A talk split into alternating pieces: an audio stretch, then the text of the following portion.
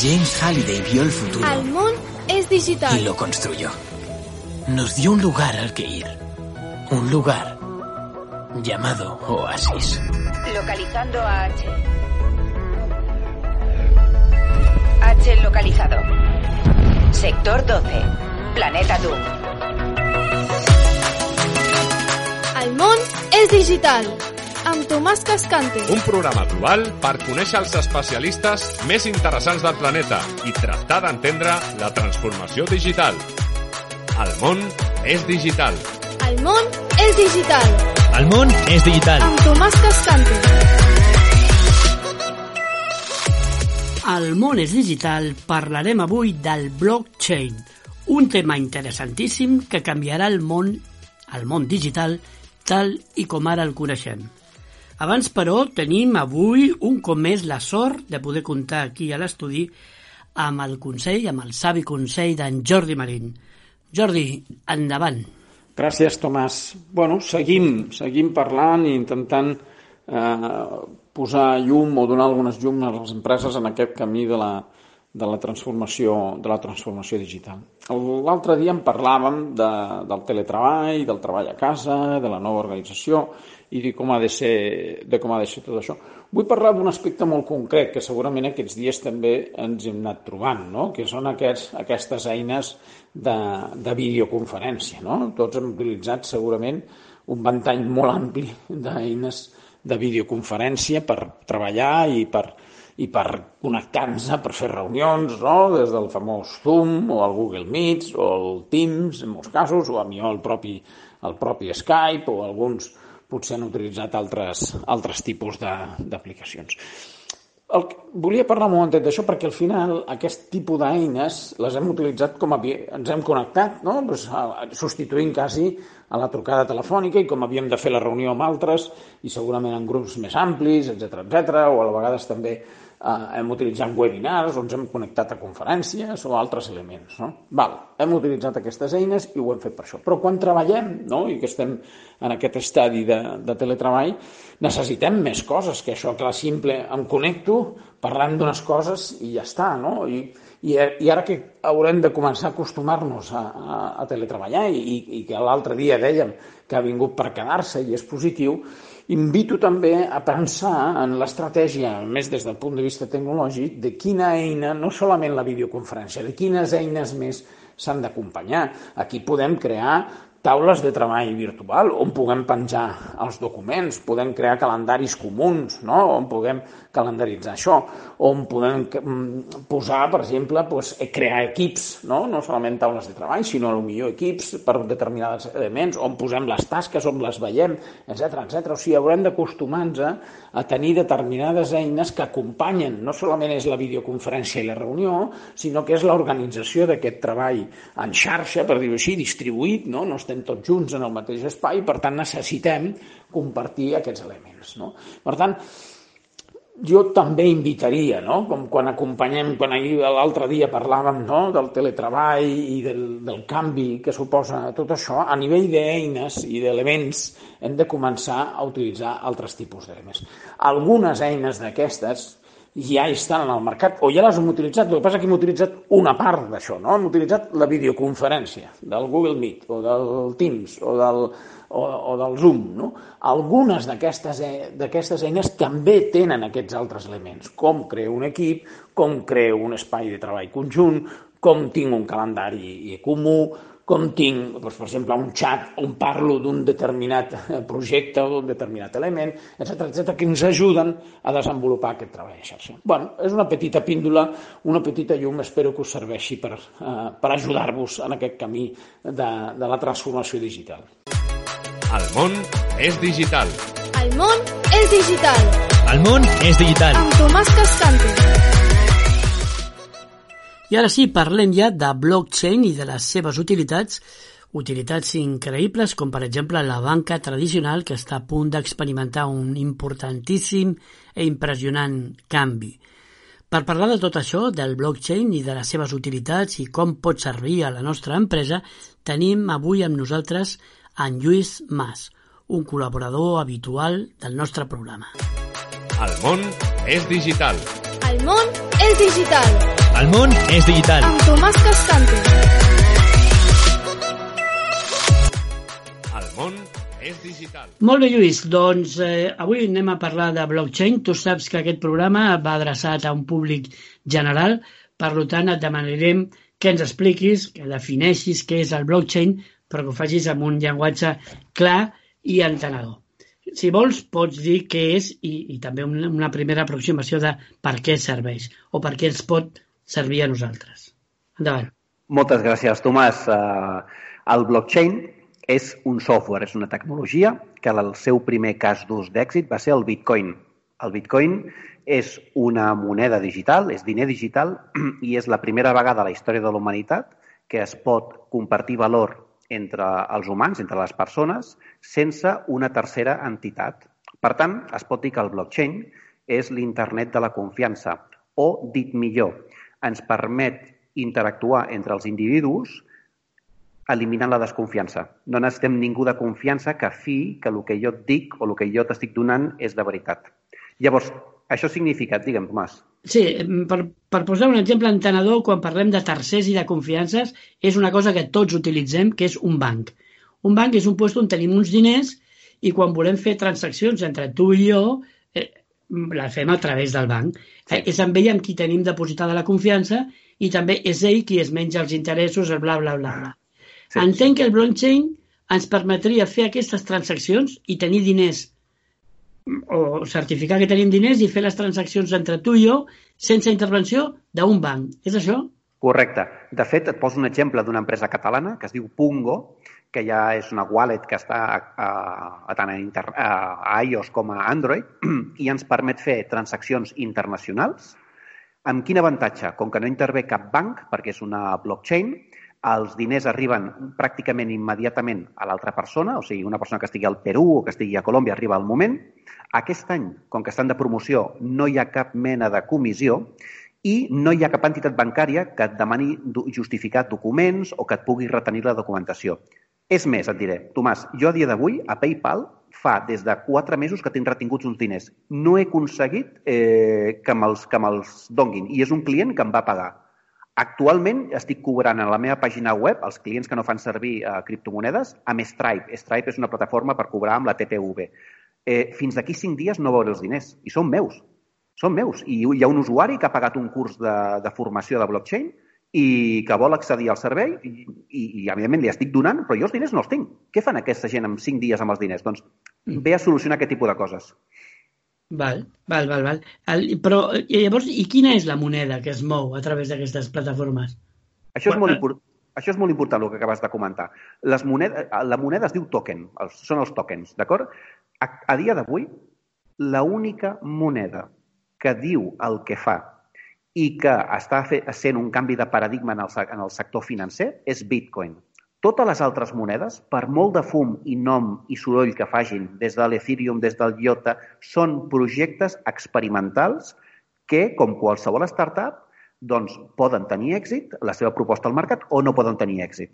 I això no vol dir que siguin eh, monedes que no tinguin una utilitat o que, o que siguin estafes. No, però és un sector que ara mateix encara s'està creant i està transformant la manera com ens relacionarem tant amb les màquines com a nivell econòmic com amb els, amb els individus. Sí, però jo aquí li veig un altre problema perquè jo estic aquí ara precisament per posar problemes. Clar, tu ens vens una cosa i jo haig de plantejar els dubtes. Eh, vale, molt bé, fem una transacció i ara jo, tu i jo acordem que per, no sé, una foto que et faré després molt guapa et cobraré N bitcoins que en aquests moments equivalen a 200 euros. Avui equivalen, però clar, el bitcoin fluctua Llavors també tinc un risc perquè jo estic eh, pagant-te a tu, és més, si, si aconsegueixo pagar-te d'aquí uns dies, doncs a lo millor eh, ha pujat o ha baixat i això, hòstia, com, com es menja això? De, perquè fluctua. Tomàs, tens, Tomàs, tens tota la raó. Una altra cosa és que jo el que diré és que jo t'accepto bitcoins tota la vida. Fluctuïn el que vulguin fluctuar perquè eh, sé quina és la tendència, no? Però no és una resposta per una empresa. Una empresa el que necessita és estabilitat. I, per tant, eh, el món de les criptomonedes es dividirà en dos, si em permets que ho expliqui a, a l'audiència. Hi haurà el que són les monedes com el criptoeuro, el criptodòlar, tot el, el sistema bancari, eh, el que són els eh, bancs centrals, es prendran, diguem-ne, eh, part de lo que està fent ara la banca comercial, que com veiem està desapareixent i canviarà el model de negoci i els serveis que ofereixen els individus, els ciutadans, i amb aquestes... Eh, I el que faran serà llançar monedes nacionals basades en la tecnologia del blockchain, d'acord? Aquí hi ha un fenomen que se'n diu stable, stablecoin, d'acord? Que són monedes estables, són monedes vinculades a una cesta d'altres monedes o eh, que van en paritat amb l'euro o amb el dòlar. I això és el que ve ara. L'agilitat, la traçabilitat, la transparència del diner digital, però amb la confiança de que té un valor que està reconegut al mercat. Després hi haurà tot un altre univers, que és el que comentava de criptomonedes que fan una proposta al mercat i algunes pujaran de preu i altres doncs, eh, doncs no tindran més recorregut eh, que el que els donguin als usuaris. Val, llavors hi ha tres possibilitats. Eh, si volem adinsar-nos dintre del món de, dels pagaments o de la banca moderna, per dir una forma. Una és no fer res, continuar com estem, que és el que acostuma a fer eh, la majoria de gent, no mm. solament amb això, sinó amb tot el tema de transformació digital. És més còmode no fer res i després, després passa el que passa. Una és no fer res. L'altra és fer un primer pas amb aquestes stable coins, o sigui, monedes ja eh, virtuals però refrendades per un banc d'Espanya o per un Bank of London, no? I, i que en el fons són dòlars o són... I la tercera és, i perdona perquè ja veig que jo sóc dels segons, aventurar-se una mica amb el món de la criptomoneda pura com és el Bitcoin. Perquè, clar, jo crec que el Bitcoin encara sona, tu em pots desmentir, i, i fes-ho si cal, no? Encara sona una mica aventura, no? Dic, hòstia, tu, liar-me a una cosa industrial i pagar en bitcoins o... o, o em fa una mica de por. Home, el, el bitcoin ja porta un històric de pràcticament 10 anys i si agafes el, el preu que ha tingut durant els 10 anys amb les seves pujades i baixades que esmentaves, no ha parat de consolidar-se. Dins d'aquesta pandèmia terrible que hem vingut, viscut, eh, hem vist inclús que el petroli ha baixat a sota zero. En mm. canvi, el bitcoin ha tingut el seu halving, que ara no entrarem en aquest concepte tècnic, i no només ha mantingut el preu, sinó que ha pujat. Per tant, dins de totes aquestes turbulències financeres, s'està veient que és un actiu que no està manipulat per cap eh, nació eh, del món, sinó que és un, un actiu neutral i que té avantatges per sobre de lo que és el diner convencional, que, com saps, s'estan imprimint diners a mansalva i això malgrat que l'economia i els que piloten l'economia són gent que en saben molt i faran que no hi hagi una deflació brutal, una inflació brutal, però, però això no, no, no, no, això pinta malament, pinta malament, aquí hi ha una deuta brutal. Segon, i té moltes més avantatges que l'or. L'or eh, doncs, eh, és un actiu refugi, però està clar que el bitcoin és divisible, el bitcoin és transportable, el bitcoin és eh, immediat, o sigui, hi ha una sèrie d'avantatges respecte a l'or que està fent que aquesta divisa cada cop eh, sense fer soroll, eh, estigui cada cop més, més acceptada. Un altre tema que no sé la resposta, però sé que, parlant d'inflació, el número total de bitcoins que es poden arribar a imprimir, per dir així, o a fabricar o a crear, és finit. Això vol dir que si algun dia arribem, bueno, crec, eh? estic preguntant, eh, eh el dia que arribem a, a haver creat tots els bitcoins, llavors, eh, clar, què, què, què passarà? O, o això està molt llunyà? Això està molt llunyà. De fet, hi ha 21 milions de bitcoins. Eh, portem minats eh, pràcticament més del 50% per no entrar en una dada exacta. O sigui, pràcticament estem a la recta final. Però aquesta recta final, el Bitcoin té una cosa que es diu el proof of work, que és la prova de treball, que és el que, fa, el que el fa que sigui eh, pràcticament inhackejable i, per tant, li dona aquesta confiança. I aquí toca un altre tema. Recorda, i tu ho saps molt bé pels contactes que tens, que els bancs tenen problemes de ciberseguretat cada dia són hackejats. Una altra cosa és que no ens ho diuen, però cada dia són hackejats. La despesa econòmica que això els suposa és brutal. El bitcoin, a dia d'avui, encara no ha estat hackejat. Llavors, contestant-te, aquests últims bitcoins que falten per minar, eh, encara passaran 100 anys perquè es mini l'últim bitcoin. O sigui que tenim, tenim per estona. Vale, vale. Eh, de, tota manera, això de la ciberseguretat, eh, sí, és cert el que dius, però tu saps que més del 50% dels, de, dels atacs, almenys a empreses i a particulars de ciberseguretat, no són per falles de seguretat, sinó per phishing, per falles de... Per les persones. Per, per, per, perdó per la paraula, per cagades personals de les persones. Correcte, per... Que, jo mateix, fa, fa 4 minuts acabo de rebre un SMS que mi paquete de DHL no sé on està i que cliqui aquí. Bueno, evidentment, perquè en aquest moment no tinc cap paquet a DHL, però si no, potser picaria. bueno, eh, res, això era una, una pinzellada. La última pregunta per acabar amb el tema de, dels bitcoins. Eh, clar, la, la inviolabilitat del bitcoin la, eh, es basa en la, la extremadíssima dificultat de, de desencriptar què passarà quan la computació quàntica que la tenim aquí a la volta de l'esquina o de la cantonada eh, arribi? Molt bueno, bé, no, és una molt bona pregunta. Mira, eh, també hauríem de mirar enrere per entendre el que tenim al davant, d'acord? I el que sí que podem dir és que cada cop que hi ha hagut eh, progrés tecnològic, eh, la societat ha, ha millorat. En termes generals, vivim millor ara que fa 100 anys. Llavors, hem de confiar que quan eh, la computació quàntica, que mm, no és que estigui aquí, però bueno, va avançant i avança molt ràpid, però quan, eh, diguem-ne, perquè eh, la, la, la computació quàntica ens portarà tant amenaces com solucions. Clar. Per tant, s'equilibrarà. Sí, sí, sí. Val, I ara eh, mm, parlem, estem justament al, a l'equador del programa, eh, aparquem el Bitcoin, que es basa, es basa precisament amb, amb el blockchain, i parlem del blockchain Casos pràctics. O sigui, realment, el blockchain que hem sentit parlar molt i moltíssim i s'han escrit tonelades de llibres sobre les meravelles del blockchain, eh, a l'hora de la veritat, per què està servint i per què acabarà servint? Mira, la primera aplicació que s'està fent servir del blockchain són a, a nivell financer. El, inclús els bancs, eh, que eh, és una tecnologia que representa el contrari de lo que representa els bancs, i ja veurem com els bancs canvien de, de productes i serveis, però no és un tema pel dia d'avui, bàsicament pels pagaments. El que et deia, hi ha una empresa catalana que es diu Pungo, eh, que et permet fer transferències internacionals al moment gratuïtes, o sigui, imagina't la de comissions que s'estalvien i sense tenir que justificar ni amb documents, ni amb retencions, ni històries rares. Tot el sector de l'e-commerce, això ho revoluciona absolutament. Tu, quan tens una botiga virtual, vols eliminar comissions perquè Amazon, la tendència és anar a reduir el preu a la màxima expressió i segon, que els diners estiguin a la teva butxaca, no estiguin en un proveïdor que no coneixes. O sigui, per tant, el tema de pagament. Segon, a finals d'aquest any podrem ja començar a veure el fenomen de que les pimes i els projectes es tokenitzin. Això, això significa que puguin accedir a liquidesa sense anar als bancs o sense recórrer a socis. Això què vol dir? Mira, Tomàs, a, a, no puc avançar una informació perquè és confidencial, però a Barcelona s'està portant ara mateix la primera tokenització d'una reforma a nivell espanyol.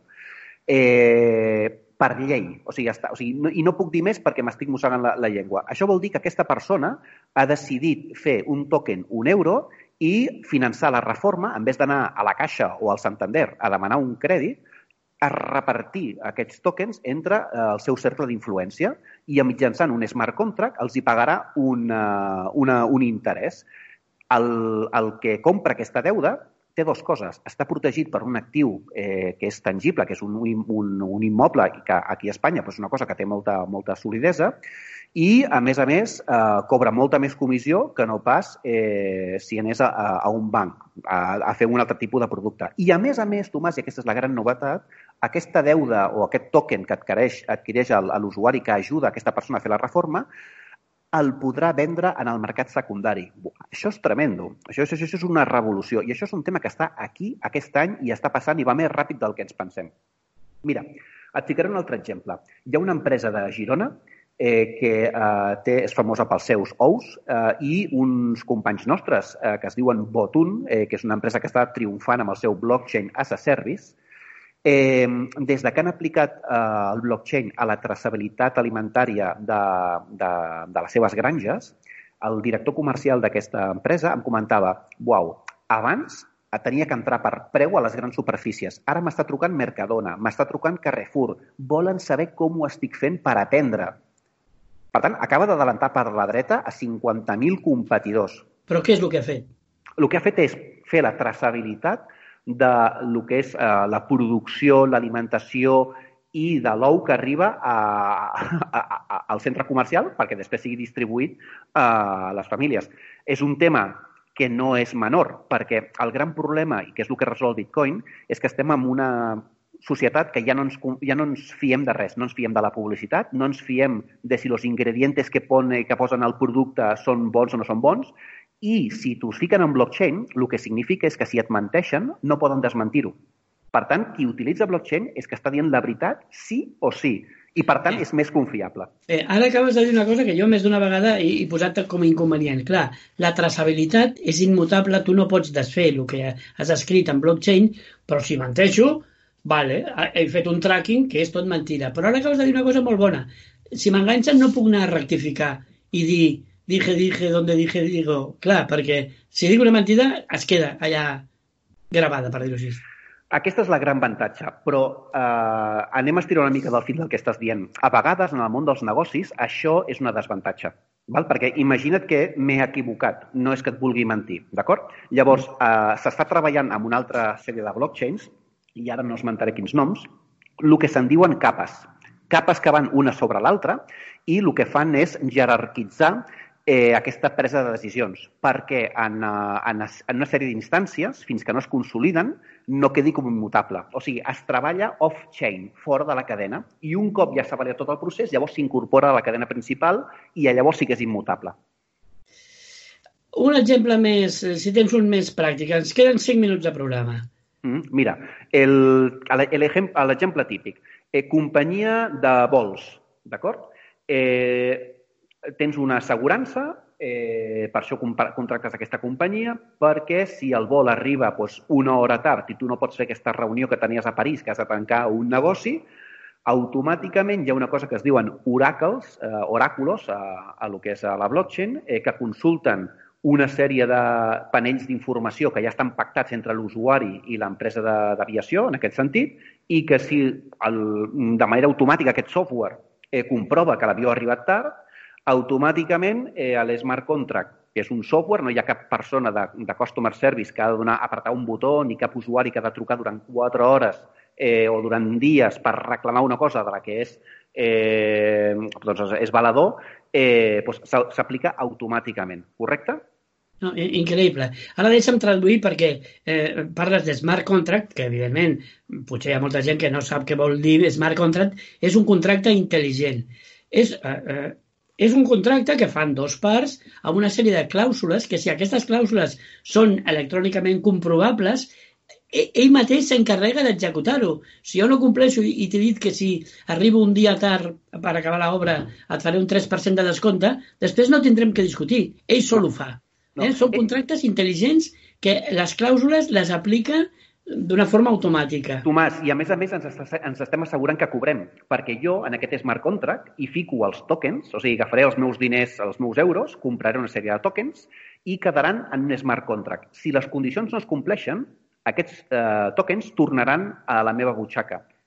Per tant, el, amb la persona que ha fet un acord té que fer, té que complir el seu acord, perquè ell sap que els diners hi són. Per tant, ja pot confiar 100% que ha de fer la feina ben feta i si no la fa, els diners tornen a mi. És fantàstic, és... Uh... Val, de tota manera, com això està tot, tot just començant i, i la majoria de gent no tenim ni punyetera idea com, com adinsar-nos dintre d'aquest món, a veure, amb aquests tres minuts que ens queden, vale, ok, vull apostar per blockchain, tinc una empresa, m'agrada això dels contractes i una sèrie d'avantatges, però què faig? A on em dirigeixo? Perquè el colmado de la cantonada no ho venen això, ni al Mercadona, eh, ni el meu advocat, ni el meu gestor què carajo foto? Una cosa és adreçar-me a tu, però dir-me sí. com ho faig? Bueno, si és a tu, doncs... Primer de tot, sentit comú. Val? Eh, jo què faria quan veig que hi ha una tendència que sembla que es confirma i que pot ser bona pel meu negoci perquè em facilita els pagaments, em redueix les comissions o puc aplicar solucions de traçabilitat amb els meus proveïdors que en fa més eficient tots els meus processos, primer, i em sembla una redundància, però formar-me. I formar-me no vol invertir diners, vol dir entrar a YouTube i fer un curs gratuït. Segon, demanar opinió a diferents persones. Sempre tenir diferents punts de vista i no precipitar-se. Que la paraula, que el màrqueting no es mengi l'efectivitat. I a partir d'aquí és el camí que s'ha de seguir. Val, d'acord, doncs eh, ha estat molt interessant, queda molt i molt per parlar. Ja et dic ara que t'emplaço d'aquí quatre setmanes o cinc setmanes a continuar parlant del, del blockchain i de les seves eh, aplicacions pràctiques i res, gràcies per haver estat al programa. Tu ja ja estaves als nostres anteriors programes, doncs a partir d'ara et convido a ser un dels tertulians habituals i de tant en tant anirem connectant-te.